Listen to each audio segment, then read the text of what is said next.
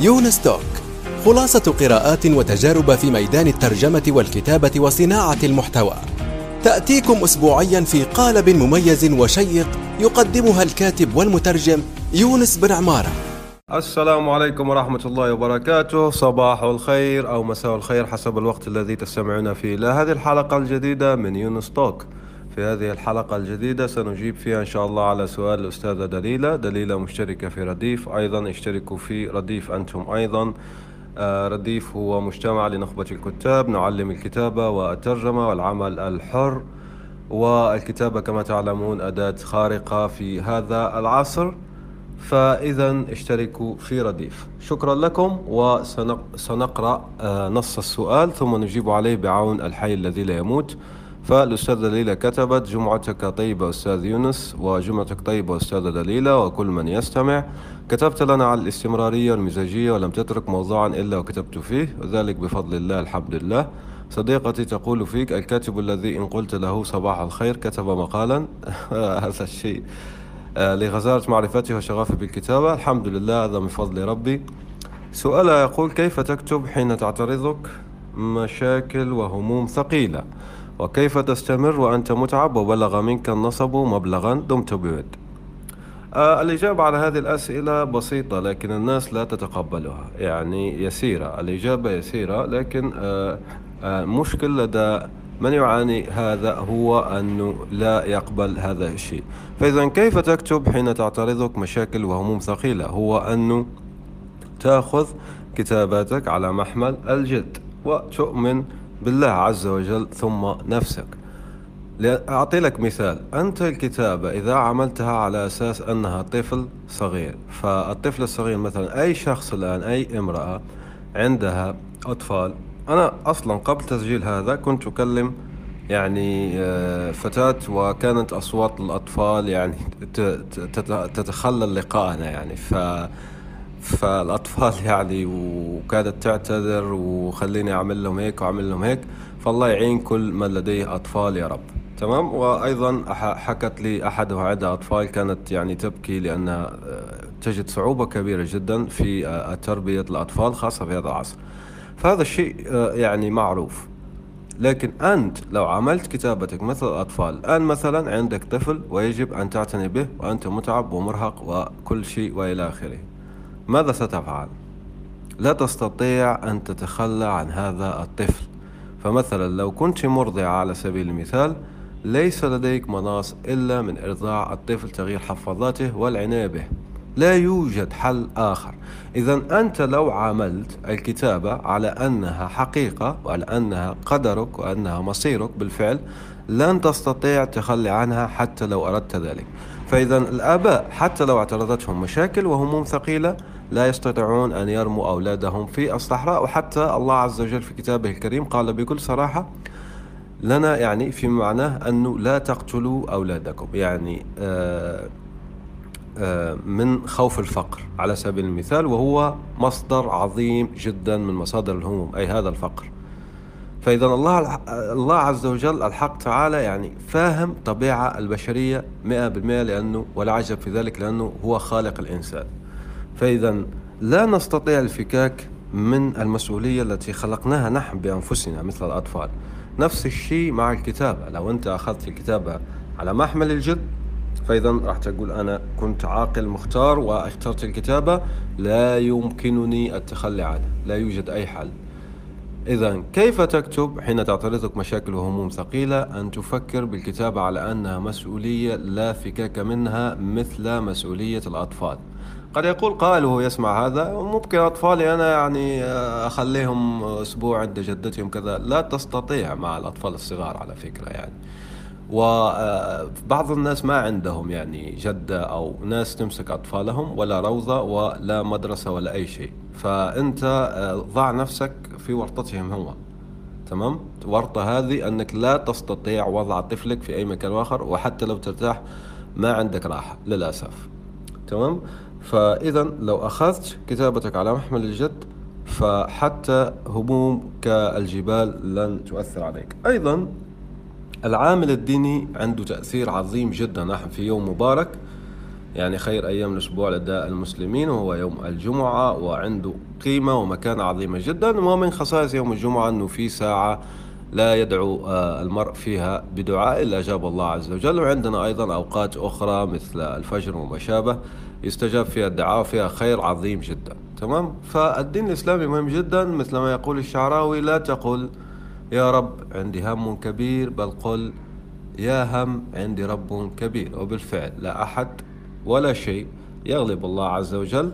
فإذا ارمي حمولك على الله عز وجل تجدها خفيفة.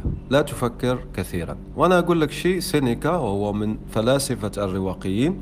للأسف أنه نستشهد بهؤلاء مع أنه يعني نحن عندنا في ديننا كل شيء بخصوص الراحة والطمأنينة بالذات. لكن سينيكا يقول أن الإنسان يعاني من خياله أكثر مما يعاني في الواقع. فأنت لو لا تفصص المشاكل الهموم التي لديك فراح تجدها ب 99% منها هي خيال. يعني لم تقع بعد. فأنت خايف أن يحدث كذا خايف أن كذا تخشى أن تخشى. طيب أين إيمانك هنا؟ فأكتب كيف أقوي إيماني وطبق والذي نفعني أنا شخصيا هو الإكثار من الذكر. أستغفر الله ولا حول ولا قوة إلا بالله والصلاة على النبي صلى الله عليه وسلم وهذه ترياق فعال مجرب وليس شيء يعني يصبر به الإنسان. والصبر بحد ذاته خلق حميد ويحض عليه الدين الإسلامي فنحن يعني الله عز وجل آه، يجازي الصابرين بغير حساب ويحب الصابرين ويرافق الصابرين الصابرين. وهو جليس الذاكرين أيضا والمجلسة آه، شرف عظيم جدا فأن يجلسك الحق شيء عظيم جدا. أيضا أنت لما تذكر ركز هنا الله عز وجل يعطيك أفضل ما يسأل السائلون. فأنت لما تذكر فطبعا لا تدعو أعطيني أعطيني لا. فأنت تذكر مثلا سبحان الله لا إله إلا الله ولله الحمد ولا إله إلا الله وأستغفر الله العظيم الذي لا إله إلا هو الحي القيوم وأتوب إليه. مثلا آه، بهذا الدعاء فأنت لا تدعو تطلب. فإذا الله عز وجل في الحديث يقول آه، أنه من شغله ذكري عن مسألتي أعطيته أفضل ما يسأل السائلون. يعني شوف أنا أفضل أقصى ما يسألني الناس أعطيني كذا أعطيني كذا وأعطي له أفضل ما سأل السائلون. فالذكر شيء عظيم جدا والذكر ضد الغفلة والهموم والمشاكل والشيطان والنفس. وكل شيء شرير يأتي عندما تبتعد عن الله عز وجل عندما تنسى الله عز وجل. تمام؟ إذا كيف تكتب حين تعترضك مشاكل وهموم ثقيلة؟ بالمختصر المفيد ارمي حمولك على الله عز وجل. لا تفكر كثيرا. الله هو الممد الله هو الرزاق الله هو الغالب على أمره. الله هو خير المنزلين. الله عز وجل كريم. الله جواد الله ماجد الله حي الله باقي الله دائم. الله لديه كل ما تريد. وراح يعطيك في الدنيا وليس الآخرة فقط. والأفضل طبعا أن تربح هنا وهناك.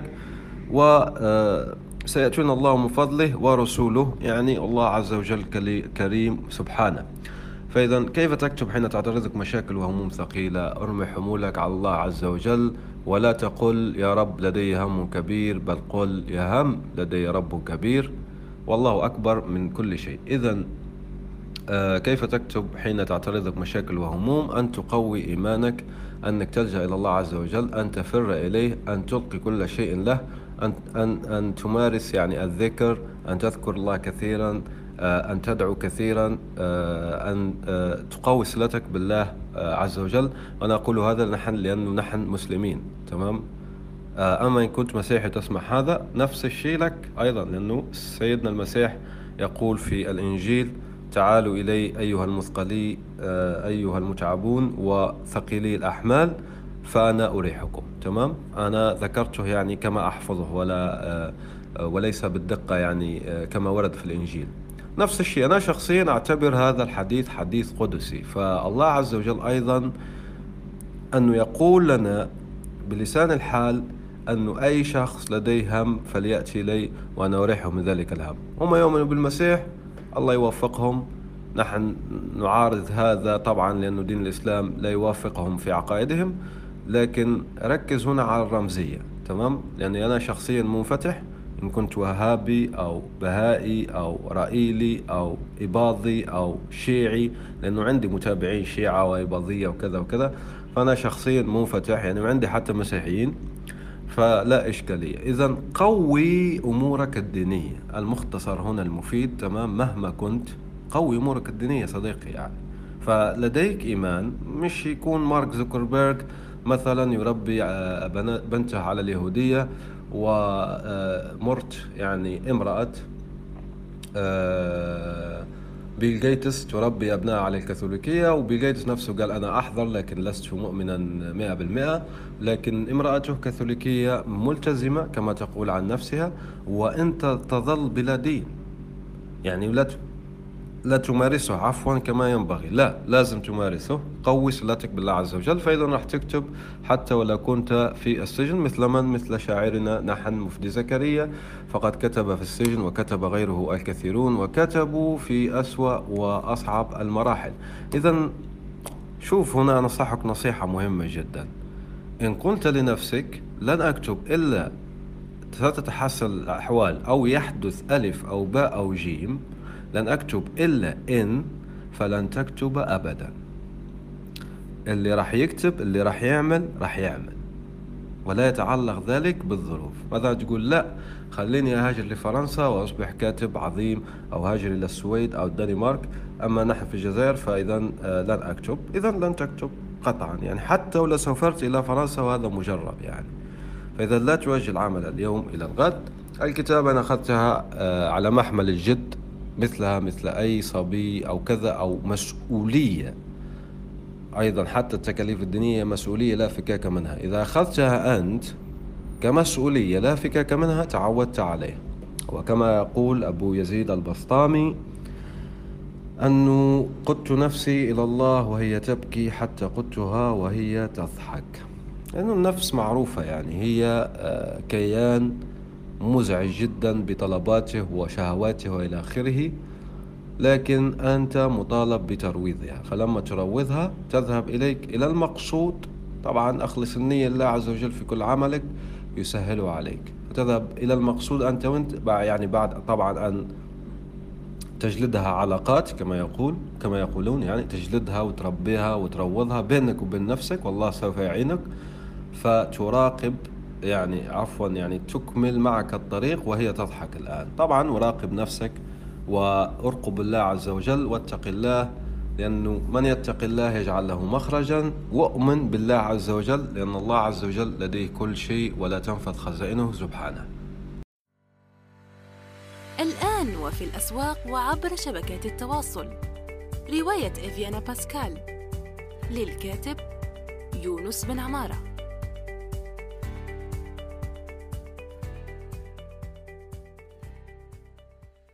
لنجيب الآن على المقطع الثاني من سؤال الأستاذة دليلة ويقول كيف تستمر وأنت متعب وبلغ منك النصب مبلغا؟ أنا يعجبني دائما الحديث الذي يقال في السيدة خديجة عليها السلام وعليه السلام كما يقول آه البخاري. فالبخاري يقول عليها السلام لأنه عندها قيمة عظيمة جدا وليس بالضرورة أن كل شخص يقول عليها السلام سيدة خديجة. التي أدعوك لقراءة سيرتها و آه، لأنها امرأة عظيمة جدا يعني. هي آه، امرأة سيد الوجود سيدنا جميعا سيد المخلوقات النبي عليه الصلاة والسلام. فإذا في حديث فقال لها جبريل الله يبشرك ببيت من قصب لا تعب فيه ولا نصب. أو لا صخب فيه لا صخب عفوا ولا نصب. ويعني لا لا إزعاج فيه آه يعني ما في إزعاج صوتي ولا تعب.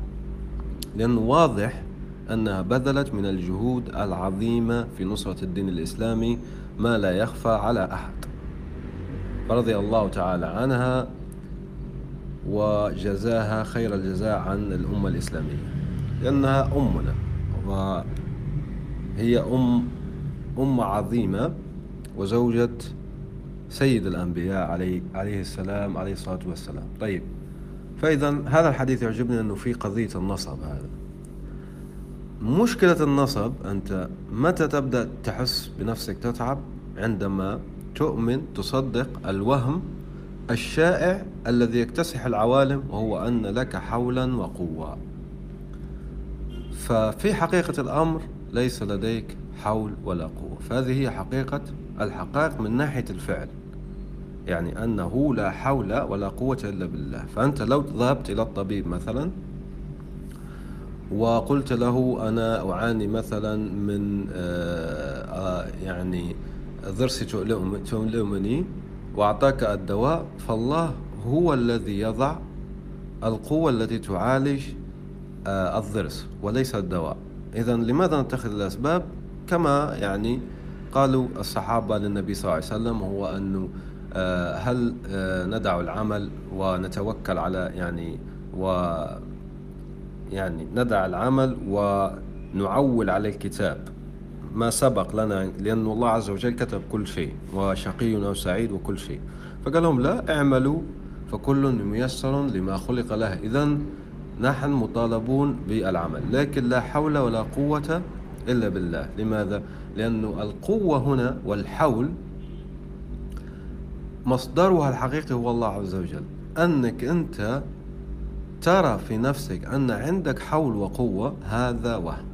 لما يبطل هذا الوهم يذهب التعب لأنه التعب في الأساس كله نفسي في الحقيقة يعني. حتى لو تعب بدنك في التنظيف مثلا أو حامل أشياء ثقيلة أو كذا هو في الحقيقة نفسي لأنك ترهق أنت نفسك. يعني تقول أنا كنت أعمل ولا يستحق يعني زي ما تقول المغنية ما طمرتش فيها الشوكولاتة يعني عن حبيبها اللئيم وما شابه يعني وعملت له وسويت له ونظفت له أولاده وعمل بعدين يعمل فيها هيك لأنك لم ترى الله عز وجل في الفعل.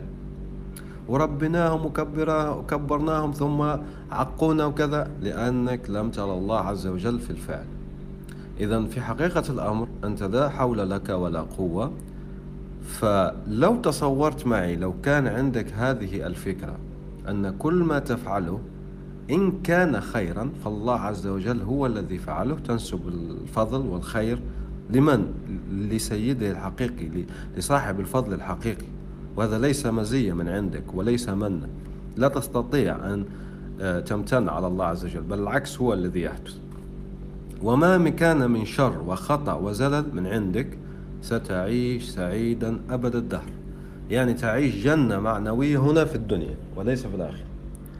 فإذا تكثر كيف ترسخ الآن هذا المفهوم في حياتك؟ تكثر من هذا الذكر العظيم لا حول ولا قوة إلا بالله. لا حول ولا قوة إلا بالله ذكر عظيم جدا كما أخبرنا الشرع أنه كنز من كنوز أخذت من تحت العرش. فهو كنز عظيم للغاية. فإذا أنت في حقيقة الأمر ليس لديك حول ولا قوة. فإذا أنا مثلا متعب جدا ولا أستطيع الكتابة أو تأدية أي عمل مثلا اليوم. فأقول يا رب يا رب امددني بمدد من عندك أعطني حولا وقوة إذ لا حول لي ولا قوة. أنا المسكين المستضعف أتضرع إليك أسألك بكل اسم هو لك. أن تمنحني قوة يا رب لأن كل خلاياي كل خلية من جسدي لا تعمل إلا بأمرك. تولى أمري كله ولا تكلني لنفسي طرفة عين ولا أقل من ذلك. أعطني قوة من قوتك فإنك أنت القوي وإنك أنت العظيم وأنت ذو الحول وذو الطول. فأعطني يا رب من قوتك لأني الآن أنا ليس لدي أي قوة أي حول. فإذا سيمنحك الله عز وجل القوة فتمارس عملك. فثمرة ذلك العمل إن كانت خيرا تنسبها لمين؟ أنت عندك حول وقوة؟ ما عندك حول وقوة. إذا ننسبها لمن أعطانا الحول والقوة والله عز وجل. وإن كان فيها شر وأخطاء وكذا ننسبها لنفسي. هذا تقصيري. هذا يعني آه، هذا فعل العبد.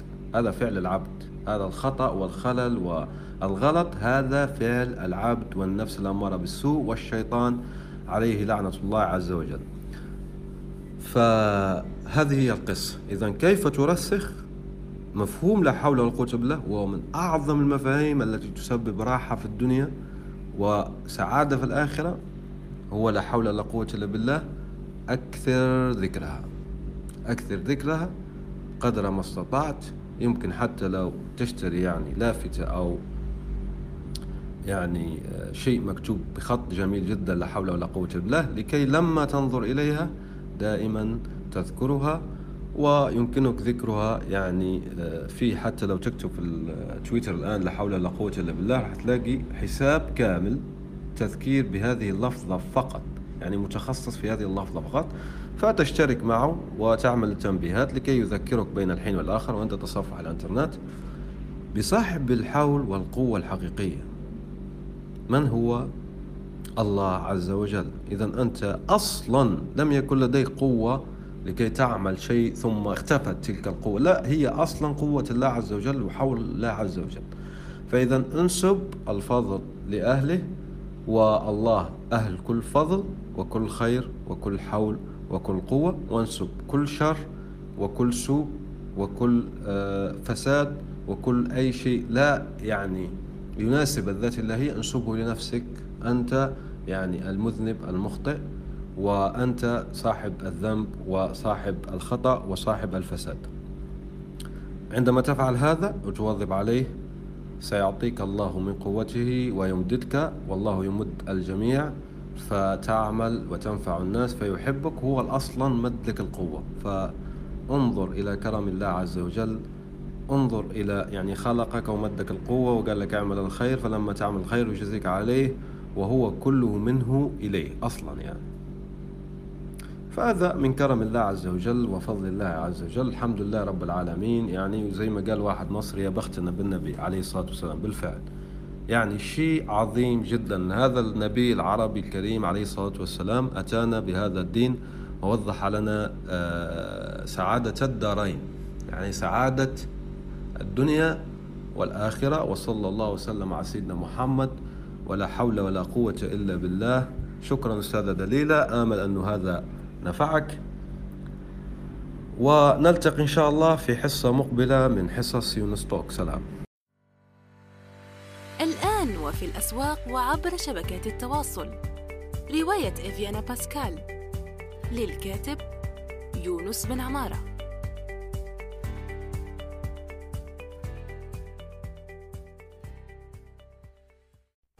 نأمل أن يكون موضوع هذه الحلقة قد نال استحسانكم.